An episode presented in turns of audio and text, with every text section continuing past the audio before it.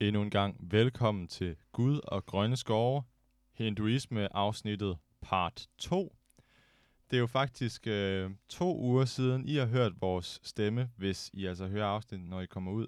Men for os er det kun øh, tre kvarter siden, vi afsluttede det forrige afsnit. Vi har lige haft et lille pitstop ved den græske delikatesse. Øhm, synes du, det var en god oplevelse, Søren? Ja, det var fint.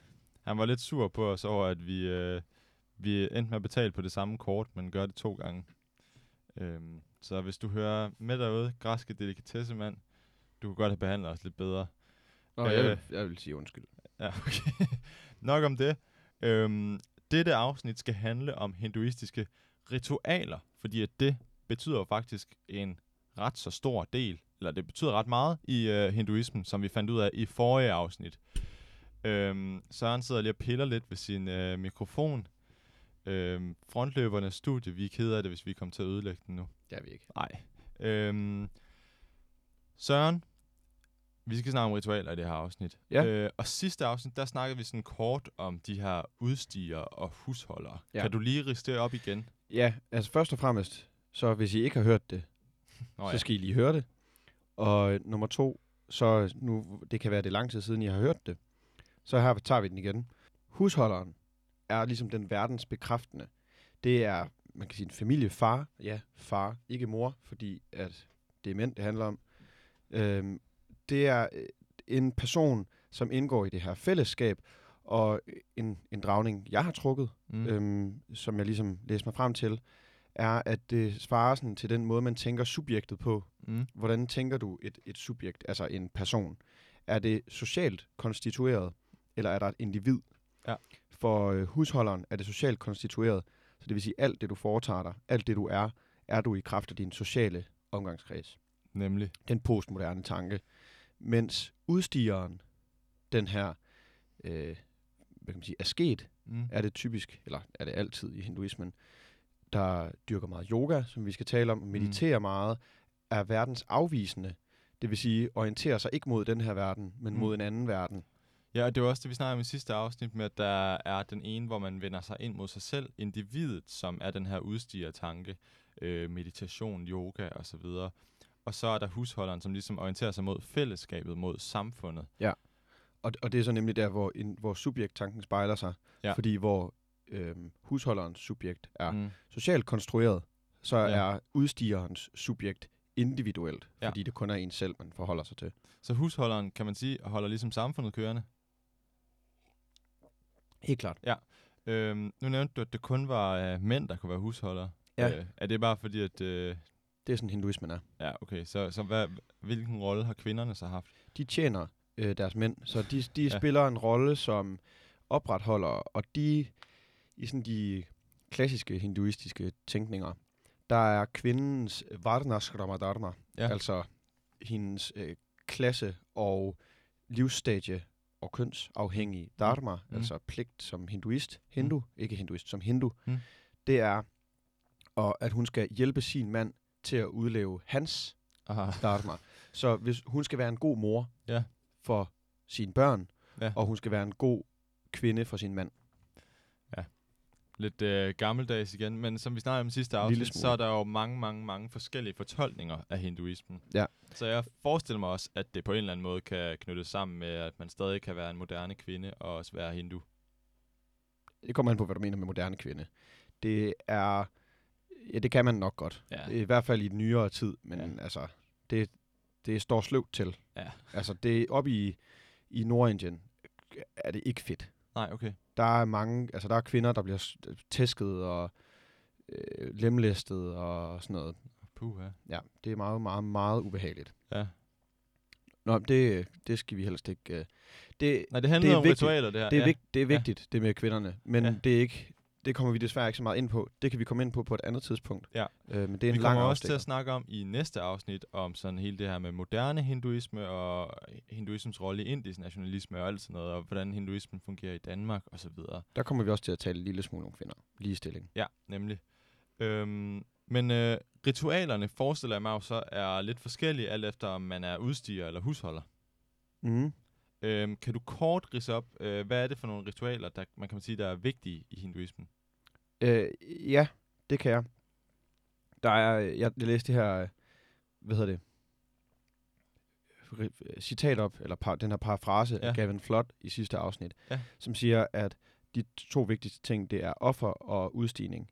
Øhm, og det er ligesom to sider af den samme sag, Mm. fordi hvis du lever som, som, som husholder, så bringer du ofre, konkrete ofre, øh, smør, Ting, der kan brændes. ris. Øh, faktisk sidst, så brænder man dem ikke.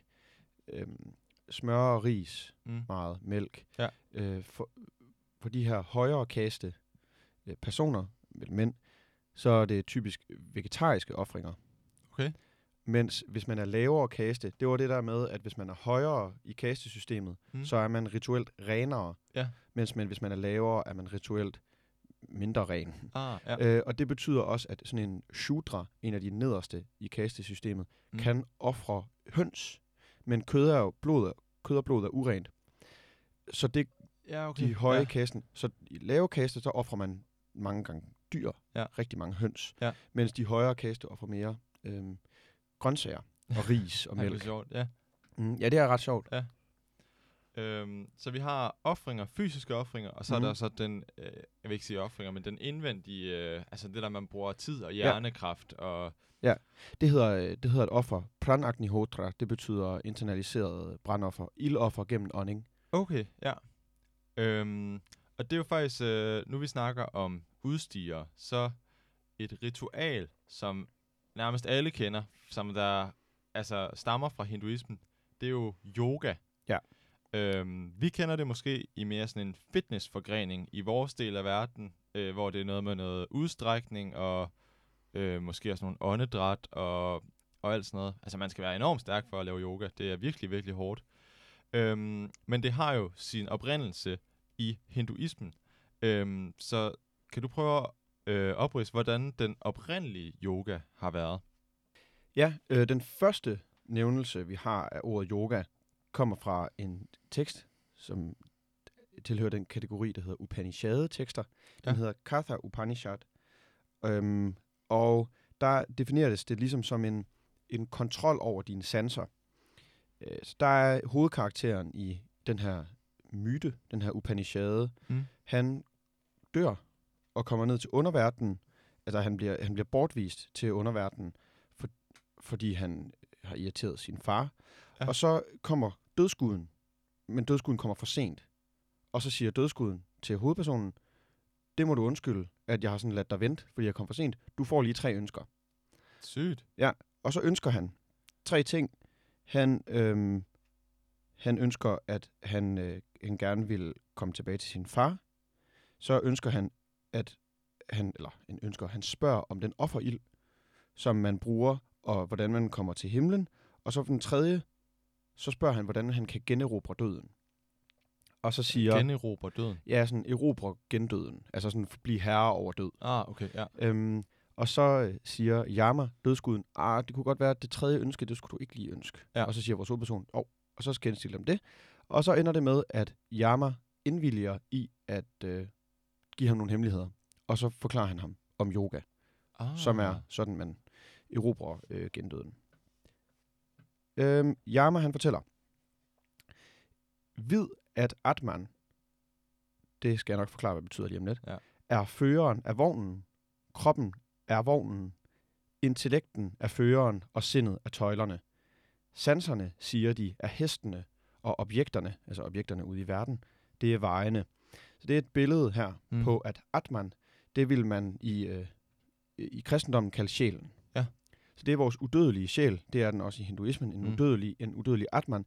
Den, den er en vognfører, der kører i en hestevogn. Mm. Og så er du ligesom den, der kontrollerer din krop, din vogn. Og det er du øh, gennem dit sind, som er tøjlerne. Ja. Så sjælen rækker ud gennem sindet til kroppen og styrer den. Og så sanser du med hestene, som jo løber på vejene, og vejene er så verden omkring dig. Ja. Det er en meget klar dualistisk, kalder man det, verdensopfattelse. Mm. Dualistisk to, der er selvet og verden. Ja. Det er sådan, det er, det er en meget klassisk Ja. øh, dikotomi, modstilling, som vi også kender her fra, Ja. fra Vesten. Og så skriver, eller siger Yama videre lidt senere, sådan noget fem vers senere. En mand, der har adskillelse fra sin fører og holder sindets tøjler fast, når enden, når enden af vejen, og det er Vishnus suveræne position. Vishnu er den her øh, Gud, der opretholder verden. Så hvis Ja. ja. du formår at holde sindet i tøjler, Mm. øh, eller formår med sindet at tøjle Mm. din, øh, din krop, så når du ligesom til den her oplyste position. Ja, det var også det, du sagde til at starte med, at det handler om at kontrollere sine sanser. Yoga, kan vi hurtigt tage, Ja. er et øh, sanskrit ord, der betyder at bringe under å. Et å, det er øhm, sådan en, øhm, en traphind, man tager hen over skuldrene, Ja. sådan man kan gå med mælkejunger, for eksempel. Øh, Okay, man ja. kan også give okser et å på. Ja, ja. Øhm, og det norrøne ord, mm. oka, som å, det danske ord å, kommer af, Mm. det minder lidt om yoga. Yoga, Ah, oka, Ej, det er fordi, det er det samme ord. Det er igen det der indoeuropæiske Lige præcis. slægt. Ja. Det kommer fra den samme stamme. Det er Ja. ret sjovt, så yoga, det er faktisk næsten et dansk ord. Grineren. Ja. ja. Øhm, Men- det var lige forhistorien til, til, det er den første nævnelse af yoga, og så er det selvfølgelig et koncept, der bliver udviklet på mange andre steder. det er klart, fordi jeg sidder og tænker, hvordan kommer vi fra det her med, at du skal kontrollere dine sanser, til at folk de sidder og laver udstrækningsøvelser? Ja. Er det det, de har gjort på det tidspunkt? Øh, ja, men meget vejrtrækningsøvelser. Ja. Så det bygger også på sådan en esoterisk, det betyder hemmelig øh, anatomi, altså sådan lidt hemmelig, lidt mystisk anatomi, hvor man har seks eller syv øh, centre, energicentre ned langs rygsøjlen, Ja. som er det, der hedder chakra, som vi talte om forleden, da vi talte om tantrisme. Mm. Det var øh, for jer cirka en måned siden. Øhm, og så er der de her veje, der fører til, at du kontrollerer din, øhm, din altså yogaen er otteledet. Og nu lader jeg lige være med at læse dem alle sammen op. Mm. Men nogle af dem, det er mådehold, ikke vold, disciplin, og så kommer dem, vi kender, som er posture, altså øh, holdning, Ja. og breath control, vejrtrækningsøvelser, Ja. koncentration og meditation. Så det handler meget om, at du skal koncentrere dig, og så skal du søge ind i dig selv, Ja. og så mediterer du og dyrker dit åndedræt. Ja, og det er jo også netop at kontrollere sig selv. Altså, mm. det er jo Mhm. nogle ting, nogle af de positioner, man bringer sig selv i, er jo nogen, hvor at, øh, eller det er i hvert fald min egen erfaring, man, man har det ikke bekvemt i dem. Mm-hmm. Øh, man skal ligesom tilvende sig der, man skal være stærk, og man skal kunne holde balancen og sådan noget. En anden, øh, en anden form for yoga, som man har dyrket, det er... Øh, åh, det hedder... Jeg kan faktisk ikke huske, hvad det hedder på sanskrit. Nej. Men det er en yoga, hvor du sætter, du sætter dig og mediterer udenfor på en sommerdag mellem fem bål. Okay? Og det er yoga. Rigtig pentagram. Øh. Ja.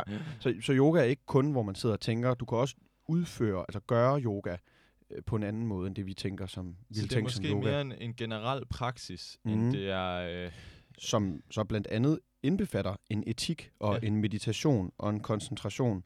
Så det vi i Vesten dyrker som yoga, det er aspekter af den Ja. hinduistiske yoga. Og, og yoga er i, i nogle tilfælde også med Gud, altså en Gud for øje. Ja. Man dyrker yoga til Krishna. Jamen, Eller og det Shiva. lyder også næsten som om, at altså, meditationsaspektet af yoga er næsten er endnu mere vigtigt, end de øh, Mm. positioner, man sætter sig selv i. Ja, altså, men øh, sådan som jeg har forstået det, nu, øh, ej, nu har jeg fandme glemt, hvad det hedder igen. Hvad Min, noget? min mors veninde, Ulla, har et yogastudie ude i EO, Øh, ja, som jeg sagde, jeg ville, øh, nin- ville nævne. Nå, men jeg har talt lidt med Ulla om det, Ja. ja. og med min mor. Øh, og det, man, det, der ligesom er, er, at øh, det handler om de der stillinger, man sætter sig selv i. Det er jo sådan, at man koncentrerer sig om den stilling. Så du koncentrerer dig om at stå Mm. rigtigt, og om, og, øh, om dit åndedræt. Ja. Og øh, når du koncentrerer dig om det, så tømmer du sindet for alt det her overflødige. mm. Øh, alle de ting, du ikke skal bruge. Og så er der ligesom plads til at kontemplere øh, det vigtige her i, i tilværelsen, kan man sige. Jeg tror, det hedder yogastudiet. Det her, nu, jeg meget fandt det lige. generisk navn. Meget. Yogastudiet hedder det. Det ligger ude i EU. Ja. Det er rigtig hyggeligt. Ulla, hun er dygtig. Der, der skal I tage hen. Hedder din Hvis mor ikke også Ulla? Jo, min mor hedder også Ulla, Ja. men det er ikke min mor, det her. Nej. Det er en anden Ulla.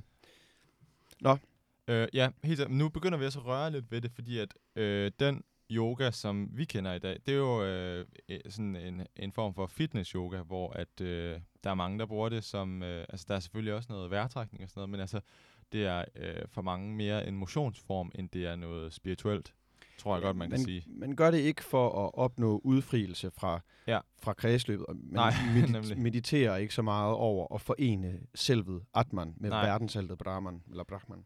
Man opfatter det ikke som en del af ens ashrama dharma. Var, ja, lige. Varashrama Var, Dharma. Varnashrama Ja.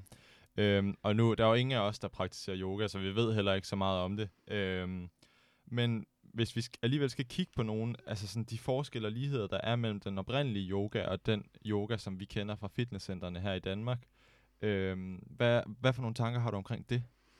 Jamen, øh, for meget... Altså, jeg har, jeg har aldrig dyrket yoga i et fitnesscenter. Nej. Jeg har kun dyrket det med, med Ulla der, Ja. som har sådan okay godt styr på det.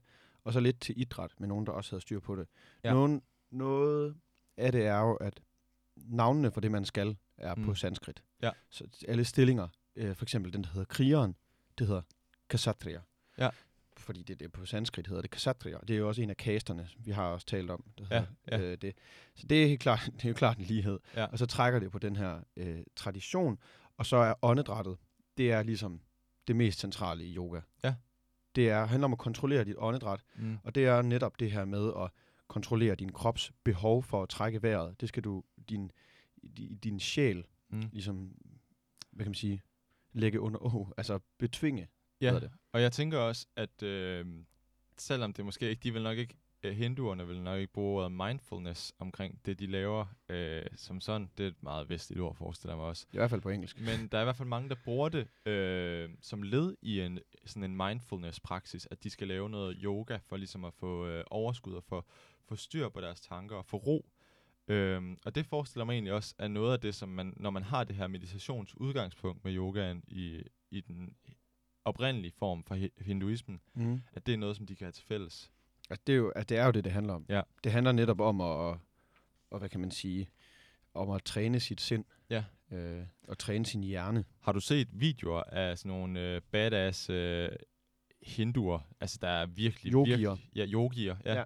Ja, det har jeg. Det er fuldstændig vanvittigt at se, altså hvor, øh, hvor smidig man kan være, og hvor meget kontrol man kan have over sin krop. Jamen, altså, kontrol over kroppen. En anden form for yoga, det er også noget med at tage vådt tøj på og sætte sig udenfor om vinteren. Altså i hinduismen? eller Ja. ja. Og så meditere. Det er også en yoga, Mens man fryser. mens du fryser helt vildt meget. Ja. Hmm. Så øhm, der, det er en, en bred øh, praksis. Der er ligesom Ja. i øh, det, Wim Hof yoga. Wim Hof yoga i, i det episke digt, der hedder Bhagavad Gita, Ja. som folk måske har hørt om. Det er ret, det er ret berømt. Det er det mest berømte øh, hindu-epik. Ja. Øhm, der spørger vores hovedperson Arjuna,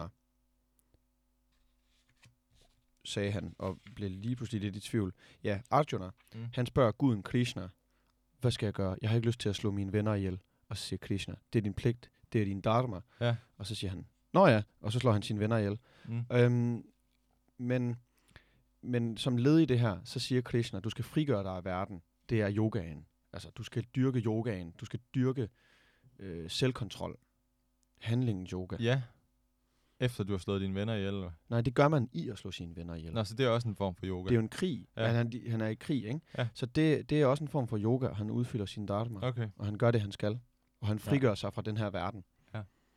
Jamen, det er sjovt med det her hinduisme, for jeg synes, mange af tingene sådan, det, de overlapper og flyder sammen og sådan noget, så det mm. kan være øh, lidt svært at finde hoved og hale i nogle gange. Helt, altså, helt klart. Ja. Ja. Og der er også mange modsigelser Ja, ja, ja. ja. hinduismen.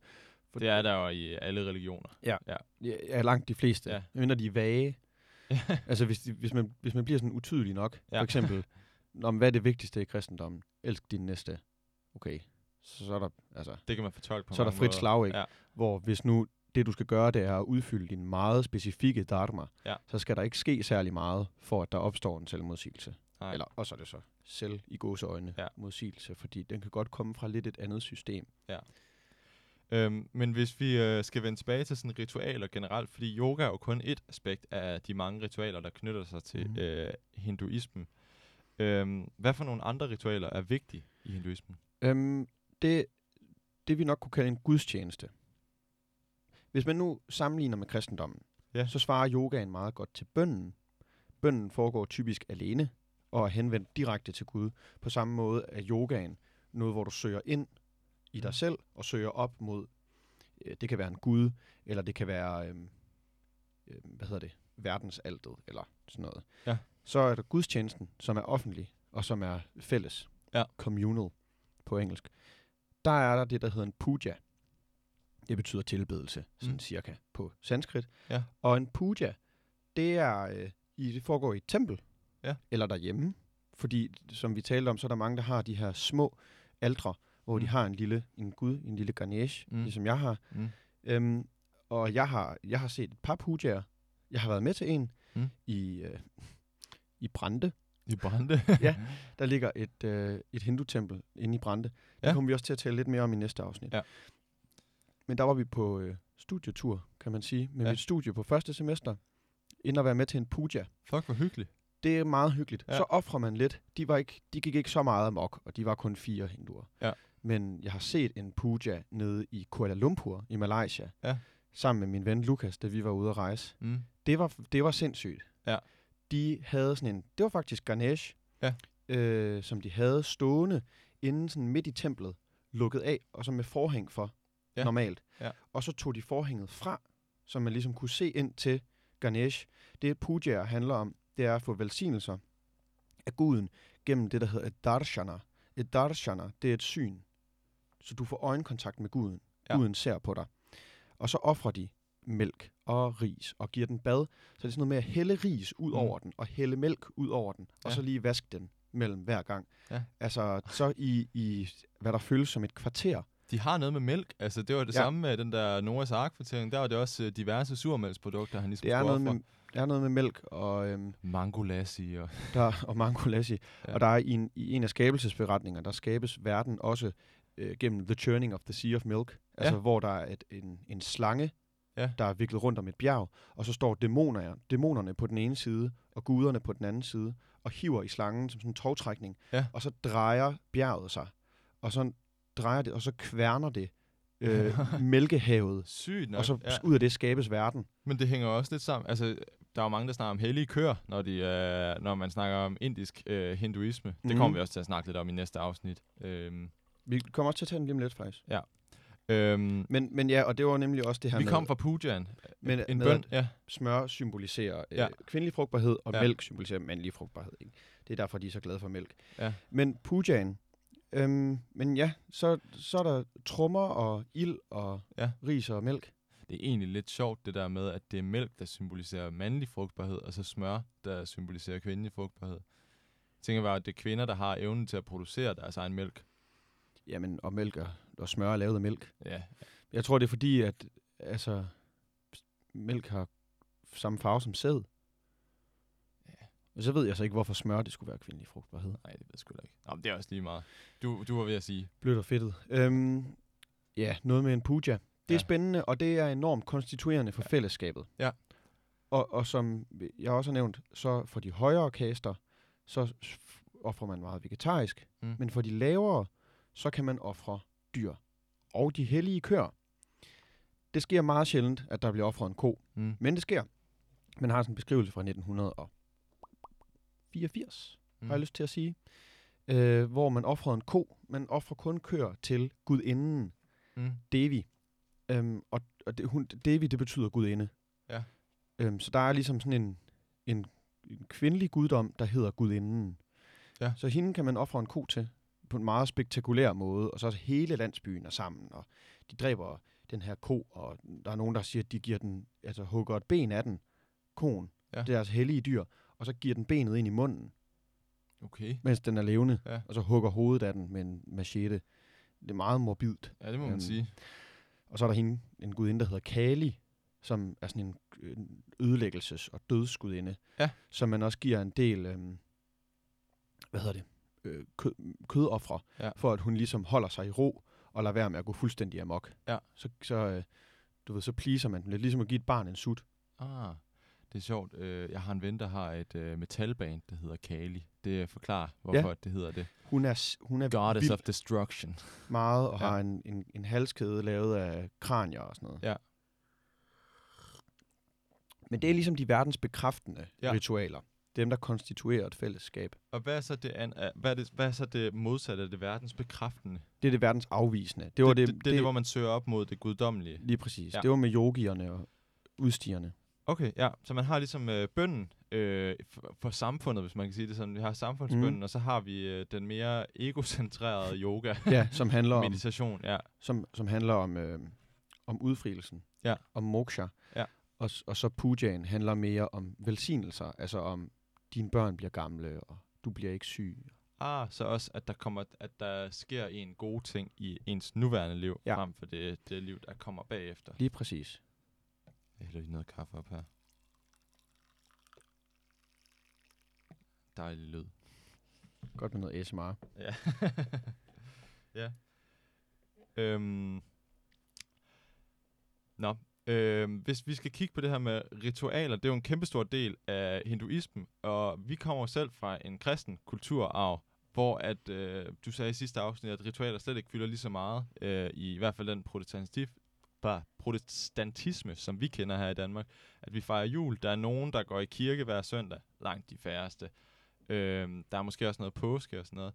Øhm, som hinduist er det så sådan, øh, nu ved jeg godt, der er mange forskellige afgreninger af det, men er det noget, hvor at man ligesom dagligt gør et eller andet, der er i tråd med ens øh, hindu-pligt? Ja, det kan, Eller det kan hinduist, nu sagde jeg hinduist. Hindu, mente jeg. hindu, ja. Ja, ja det, det kan være svært at skelne, men, men, men jeg tror, det rigtigste er at sige hindu. Ja. Øhm, ja, helt klart. Der er nogle steder, øh, store templer, hvor man, man holder fem pujaer på en dag. Altså, så Damn. bliver der kørt nogle ofre igennem. Ja. Det er også en stor turistattraktion. Ja. Pilgrimsfærd er også vigtigt i buddhismen, Ja. fordi der er mange hellige steder. Øhm, simpelthen fordi Indien er et helligt land. Ja. Øh, Det var lige en, en, en kort afstikker. Ja. Men for at om det, gør, om det er noget, folk gør hver dag, Ja. så hvis man har sådan en, en Ganesha stående derhjemme, for eksempel, Mm. så er det meget normalt at vække den om morgenen. Så Ah, vækker man sin, sin, sin guddom, Ja. sin lokale gud, øhm, og, giver den lige noget at drikke og spise Mm. til morgenmad, Ja. og synger en sang for den, typisk ja. reciterer nogle mantra, som det hedder. Ja. Og så, øh, så går man ligesom omkring sin dag, så putter man den også om aftenen, lige siger godnat og synger en Det er lidt ligesom sådan en bamse eller sådan en tedukke eller sådan noget. Ja, Ja. Det, det kan man godt sige. Og Ja. ja. så øh, handler det jo om, at når man så passer på den, når man sørger for at passe på sin Gud, Ja. Øhm, Tamagotchi. sin Tamagotchi, sørger for at passe på sin Gud, så passer den også på en. Ja. Så, øh, så der er sådan et øhm, do ut des, hedder det på latin, Ja. du giver for, at jeg skal give forhold mellem øh, guddommen og, og, øh, og, hvad kan man sige, og hinduen, og den troende, den Ja. tilbedende. det er jo også det, altså sådan i islam for eksempel, hvor man beder flere gange om dagen. Det, mås- det er ikke Faktisk noget, også fem gange om dagen. Ja, Sjovt nok. Øh, det er ikke noget, vi kender så meget til her i Danmark. Det er også de færreste af os, der er religiøse. Nej, så- det er i hvert fald ikke ritualiseret. Nej, nemlig. øh, på samme måde, som det er med, med, med salat, som det hedder. Bøn. Ja, jeg synes, man ser det nogle gange i øh, film, når det er sådan nogle, øh, altså sådan, når det er katolsk anlagt, hvor det tit, så siger man lige et Ave Maria et par gange, hvis man skal bruge held til et eller andet, eller sådan Mhm. noget. Øhm, eller jeg beder for dig. Øh, for eksempel i, øh, i The Godfather-filmene, der er det tit, at Ja. de skal bede sådan en bøn for nogen og sådan noget. Det, det fylder helt klart øh, mere de her ritualer. Ja. Og det var, det, det var også noget af, jeg ved ikke hvilket afsnit, men i et afsnit øh, før har jeg sagt, at det var ligesom noget af det, Luther han bragte til bordet Ja. øh, ved, ved reformationen. Det var at få afskaffet nogle af de her forbandede ritualer, fordi folk simpelthen havde det for fedt. Ja. Og nu skulle vi have det lidt mere kedeligt. og Ja. ja. kigge lidt mere indad. Ja. Øhm, så der har vi mistet meget. Og så jødedommen og hinduismen holder meget fat i de her ritualer. Ja, der er jo også alle mulige jødedom, altså ritualer omkring, hvordan du tilbereder din mad og, og så videre. Mm. Og det er der jo også øh, i islam. Er der det i hinduismen? Ved du det? Ja, det er der. Ja. Også, øh, altså, der er jo hele den her skældning mellem, er det okay eller ikke okay at spise kød? Ja. Og køkkenet er også det reneste rum i, i huset. Ja. Så der, det er tit derude, man vil have sit alter stående, sin lille Ganesh. Det er også praktisk, hvis man lige skal give Ganeshen lidt morgenmad, at øh, så skal man ikke gå så langt. Ja, det er rigtigt. Så, øh, så har man det lige ved hånden. Kan vi bruge nogle af de her øh, ritualer og praksiser i vores eget liv, Søren? Ja, det tror jeg på. Vi øh, har jo talt lidt om, om, om patchwork-religiositeten. Ja, Om shopping, om ja, religionsshopping. Buffet. Buffeten. Ja. Øh, og, og det tror jeg virkelig, man kan. Jeg er ret glad for at have min Ganesh. Ja. Jeg kigger på ham en gang imellem. Jeg har ikke givet ham noget mælk endnu, Nej. og jeg har haft ham i, i snart tre år. Ja. Så det er måske ikke så... Det er Ja. faktisk ikke så hensigtsmæssigt. Nej. Jeg burde nok give ham noget snart. Øhm, men altså, det er jo grundlog, grundlæggende højst... Nu skal vi ikke være alt for fordømmende, men Nej, nej. der er nok ikke nogen guder, der, der kigger ned på os og styrer verdens gang. Ja. Men i det fælles, hvad kan man sige, for ritualet, Mm. vi talte jo også lidt om det her med offringerne for Ja. lang tid siden, så kan det være en god idé at, at overveje, hvilke ting man gør i sit samfund for at blive tættere rystet sammen. Ja. Altså, man kan måske prøve at være lidt mere bevidst om, hvad for nogle ritualer man egentlig udfører. Holde nogle flere fester sammen. Altså, vi elsker at holde jul. Mm. Øh, det er så hyggeligt. Det kunne man godt... Øh, altså, det det er ikke, at vi skal holde, holde, fejre jul flere gange om året, men... Øh, men de er rigtig gode til at holde øh, sammenkomster, forestiller mig, når de har så mange anledninger til det. Ja. Med alle de her pujas og... Der er, en, der er en lang række øh, festivaler i løbet af det Ja. hinduistiske år, og som selvfølgelig er, så er der en for Krishna, og Ja. så er der den der farvefestival Holi, som de holder i foråret, og Ja, øhm, øh, i, i forskellige anledninger. Det Ja. var også det med polyteismen versus ja. monoteismen. Altså, vi har sgu kun én fødselsdag Ja. for Gud. jeg, Men jeg snakkede også med en øh, hinduist, hinduist, hindu pige, hinduistisk pige øh, i Indonesien, der var ude at rejse. Mm. Øhm, hvor at øh, hun sendte mig på WhatsApp nogle billeder af en øh, stor øh, sådan, øh, parade, de havde haft for deres guder, hvor de ligesom havde bygget sådan nogle store øh, figurer, statuer, som de så bare gennem gaderne, og der var fest og farver og Ja. gang i den. Processioner er, Ja. er fantastiske, og meget spændende, og jo, øh, det tror jeg også, vi talte om sidst, er, ja. de, er, de, de findes i katolicismen.